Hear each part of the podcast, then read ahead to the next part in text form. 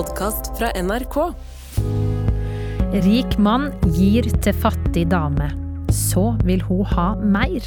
Det her er Etikketaten. Dette er plassen hvor vi prater om hverdagslige ting fra et etisk perspektiv, for å bli klokere på hva som er rett, og hva som er gale. Jeg heter Kjersti Anderdal Bakken, og med meg her i etaten nå, det er filosof Heine Alexander Holmen, NRK-kollega, kongerekka-ekspert Are Sende Osen og KI-ekspert og fysiker Inga Strumke. Vi har altså fått en e-post til etikketaten krøllalfa nrk.no fra Espen, som skriver. For noen uker siden kjøpte jeg Gatemagasinet i byen jeg bor i, som rusmisbrukere og vanskeligstilte selv. Betalinga, den skjer gjennom VIPS. Cirka ei uke etterpå så fikk jeg ei direktemelding i VIPS fra selgeren. Hun forklarte at hun hadde det vanskelig, og at hun ikke hadde penger til mat. Hun kvia seg for å spørre, men lurte på om jeg kunne tenke meg å vippse henne en ekstra hundrelapp, sånn at hun kunne fylle opp kjøleskapet sitt. Jeg syns umiddelbart synd på henne, og jeg har jo råd til å vippse en ekstra hundrelapp.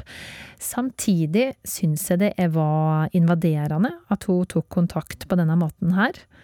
Hva bør jeg egentlig gjøre? Skriv altså Espen, og han um, forteller òg hva han faktisk valgte å gjøre, men uh, før vi får vite det Are, hva ville du gjort hvis det var du som fikk den meldinga her? Hva var det at Jesus sa til den rike mannen? Han sa at du må bare bli med meg. Bare legg fra deg alle verdiene dine og gi bort alle pengene dine og bli med meg, og så kommer du til himmelen når du dør. Hvorfor gjør vi ikke det, Heine? Hvorfor gir vi ikke bare alt av overskuddet vårt? ja, i min bransje så har du ikke Da har du et uttrykk som heter 'I gave a paper on it'. Altså at du det, Dette har jeg bidratt på, for jeg har skrevet en artikkel mm. Om fattigdom og etikk, f.eks. Så kan du bare nyte et godt glass rødvin etterpå, da? Ja, det er vel det som er ligger implisitt i det uttrykket. Nei, du, hvorfor vi ikke gir det er jo noe med altså I den saken her så er det jo noe med at det er litt sånn Det er jo direkte, og det er inn, på en måte invaderende. Du får det inn i stua, du får det inn på telefonen. Og det i seg selv så er det jo litt sånn brudd med den implisitte kontrakten som ligger i det at du har kjøpt uh, gatemagasinet. For den, den, altså det, selve den, den måten å gjøre det på er jo å gjøre uh, holdt jeg på å si, bidrag til en uh, handelsvare, hvor du på en måte har en selger og en kjøper, og du får på en måte gjort dette her til en struktur hvor, hvor du slipper å tigge. Så det ligger jo litt sånn implisitt i selve gatemagasinet, da, at det, det, er sånn det skal være. Så når du får da den meldingen, så er det på en måte litt sånn brudd med den implisitte kontrakten, og du kommer jo rett inn i stua. Og det er jo selvfølgelig ubehagelig eh, å forholde seg til. Men samtidig, den, den nøden er jo der ute, så det, det vet vi jo. Og da, da blir det jo veldig levendegjort for at du har et konkret menneske i kjøtt og blod som du får på telefonen eh, kontakt fra. Det, det, er noe annet enn å forholde seg litt sånn abstrakt til å dele ut Røde Kors og sånn.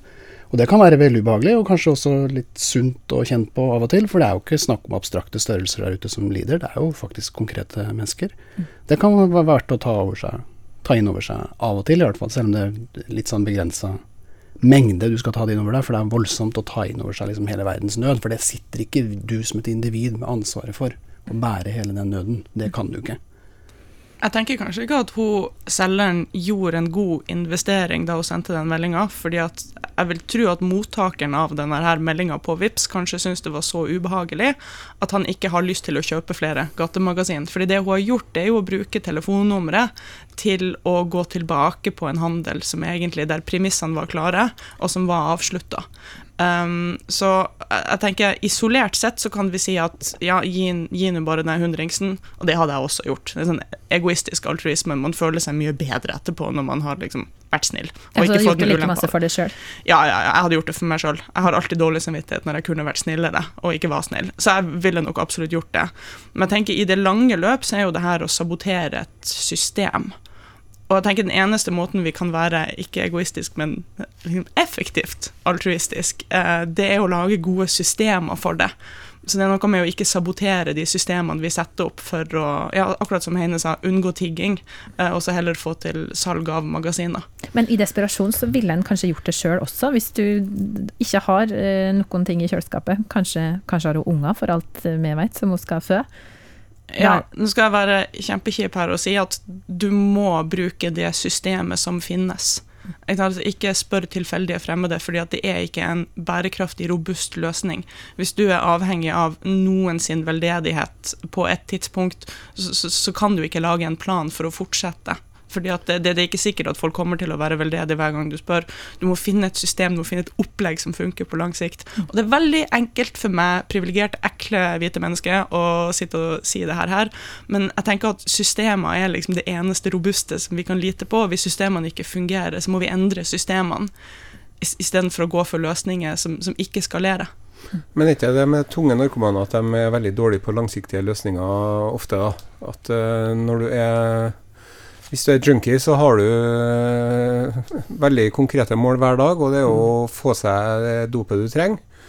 Uh, og uh, om, om, en rusmisbruker virkelig skal ha pengene til knekkebrød eller ja, grovbrød og brunost og, og, grønnsaker med mye fiber, da, eller om det aller viktigste for den personen er å få det den trenger for å komme seg gjennom den dagen, som antageligvis ikke er mat, men kanskje dop, da, så er det veldig så viktig for den personen. Og da er det det målet som Jeg tror det er en sånn Den uh, kalles sykdommen som de folkene har, da, så er det medisinen som gjør til at de kommer seg gjennom den dagen. Og for å nå det målet, så er de villige til å gjøre ganske mye. Sant? Og da er jo det å sende en uh, litt invaderende tekstmelding Det er jo ganske langt ned på skalaen i forhold til hva mange andre gjør for å nå det målet der, da. Mm. Men hadde det vært eh, etisk mer spiselig hvis hun ba om mat, Heine, i stedet for penger? Kan du komme med en pose med mat? Ja, da er det jo ganske konkret. Da, da, da går det jo til mat, og ikke til, til eventuelt ja, stoff. Da. Og det er veldig bra, men det er jo ikke det jeg trenger. Nei. tenker de da. Jeg, jeg, er jo Drit i rislunsjen eller den bagetten. Jeg skal ikke ha noen bagett. Jeg må, jeg må ha ja. dopet mitt som gjør at jeg ikke blir gal. Ja. Så Det er vrient i forhold til at du vet jo ikke hva de pengene går til. Og selvfølgelig er jeg jo enig i at uh, det, er jo ikke nødvendigvis sånn at alle personer i samfunnet er gode på langtidsplanlegging. Mm. Eller finne de effektive midlene, eller finne veien til det systemet som kanskje ligger der. Uh, og det er jo et, Jeg er litt mer sånn opptatt av det etiske spørsmålet her. Da. Sånn, hva slags forpliktelse har vi som enkeltindivid til å bidra til å, å, å dempe verdens nød? Det finnes jo etiske retninger, sånn som utilitarisme og nytteetikk, hvor du tenker at din forpliktelse er å faktisk bidra mest mulig hele tiden. Mm. Det er ganske sånn radikalt krav. Det finnes folk som tror på det og, og prøver å følge det. og har sånn bevegelse som heter 'giving what you can', og, og effektiv altruisme er jo litt i samme, samme sporet. da. Og da sitter de og tenker at den, din etiske forpliktelse er faktisk å bidra mest mulig hele tiden. Og det vil si at jeg kan ikke da sitte og slappe av på fredagskvelden og ta meg et glass rødvin, for den, de pengene og den tiden kunne jeg brukt noe mer nyttig sånn rent etisk. Mm. Og det er ganske sånn radikalt krav, da, og jeg er litt usikker på om det er usant at vi har den etiske forpliktelsen eller ikke. Det er det jeg sitter og tenker litt på en sånn sak som er Det er der min dårlige samvittighet bunner. da. At, mm. Eh, at jeg sitter og funderer litt på om man faktisk har den som en forpliktelse å bidra. Ja, for hva skjer hvis du bare gir og gir og gir og gir? Ja, Til slutt så vil jo det gå utover deg sjøl. Altså, du kan jo gi som sagt, sant, det glasset med rødvin eller den, eh, det luksuriøse pålegget eller det, de klærne jeg går med. Det er jo ikke ting jeg trenger sånn helt for å holde meg i live.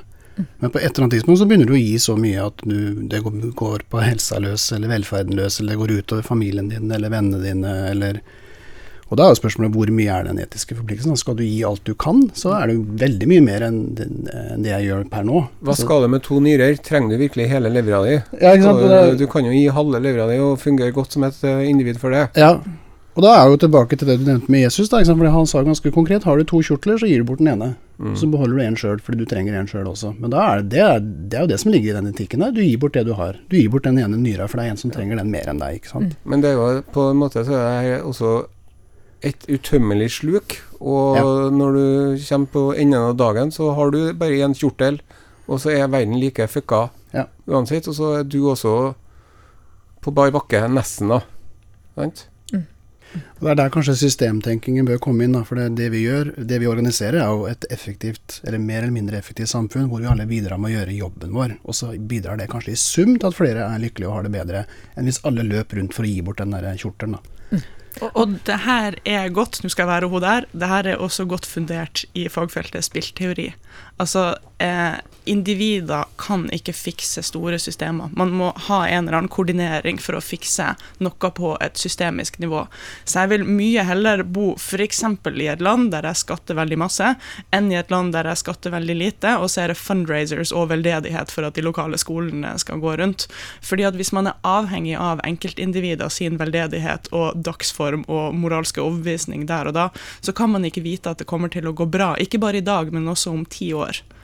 Men tilbake til Espen, da, som sitter her i eh, godstolen, ser jeg for meg, med den her SMS-en Ah, fra, hun, dama. Ja, Vits-meldinga. Det er vanskelig å svare 'jeg vil ordne det her på et systemisk eh, nivå'.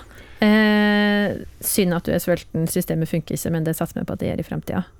Um, Nei, nei, altså Hvis han virkelig har lyst til å gjøre det rette nå, så tenker jeg at da må han sette seg ned og google hvilke eh, systemer som finnes som kan hjelpe henne, og si se her, der borte i Vår Frues kirke, eller hva det heter i Trondheim, ikke sant, så kan du gå hvis du er sulten, og der får du sånn og sånn. Det tenker jeg det vil være en faktisk langsiktig hjelp.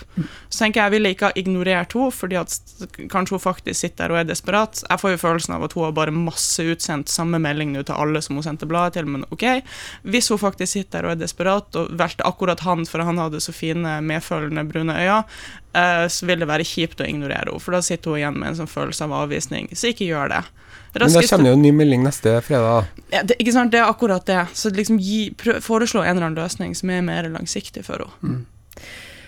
Espen han valgte å ikke gi, men han klarte Han syntes det var veldig vanskelig å bestemme seg, og skriver at eh, meldinga er jo langt fra glemt. Han sitter jo med en sånn klump i magen hvor gang han ser for seg hun her eh, Hemmelig. Mm. Filosofen. Skal Espen eh, glemme den her eh, magasinselgeren? Altså, du skal jo ha altså, en, en, en viss empati er nok sunt, men jeg er helt enig i at det må balanseres opp. For det er ikke sikkert at det faktisk gir et bra system, hvis vi går rundt og er overempatiske alle sammen med masse dårlig samvittighet og aldri kan gjøre noe annet enn å gi bort penger til uh, veldedighet. Så, men det er samtidig det er, det er nok sunt å ta det litt inn. Altså, uh, men, men i et visst monn. da. Det hjelper jo ingen at jeg sitter og griner hver fredag kveld fordi verden er uh, full av lidelse. Det hjelper at jeg er, ikke sant, klarer å, å bidra.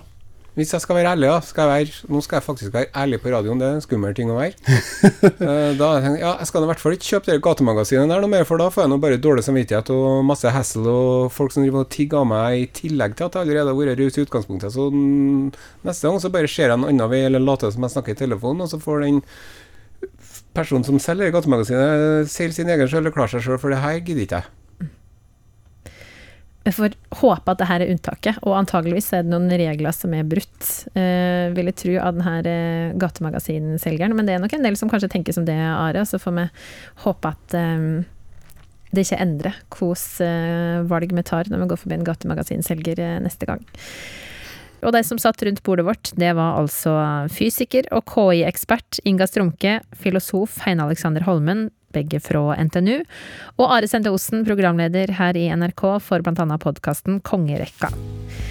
Hvis du som hører på har um, opplevd et eller annet som har satt det på prøve, hva er rett og hva er galt å gjøre nå, så må du gjerne skrive til oss, enten på e-post, etikketaten krøllalfa nrk.no, eller så kan du gå inn i appen NRK Radio. Der eh, søker du opp Etikketaten, og så fins det en send inn-knapp der. Du har hørt en podkast fra NRK. Hør flere podkaster og din NRK-kanal i appen NRK Radio.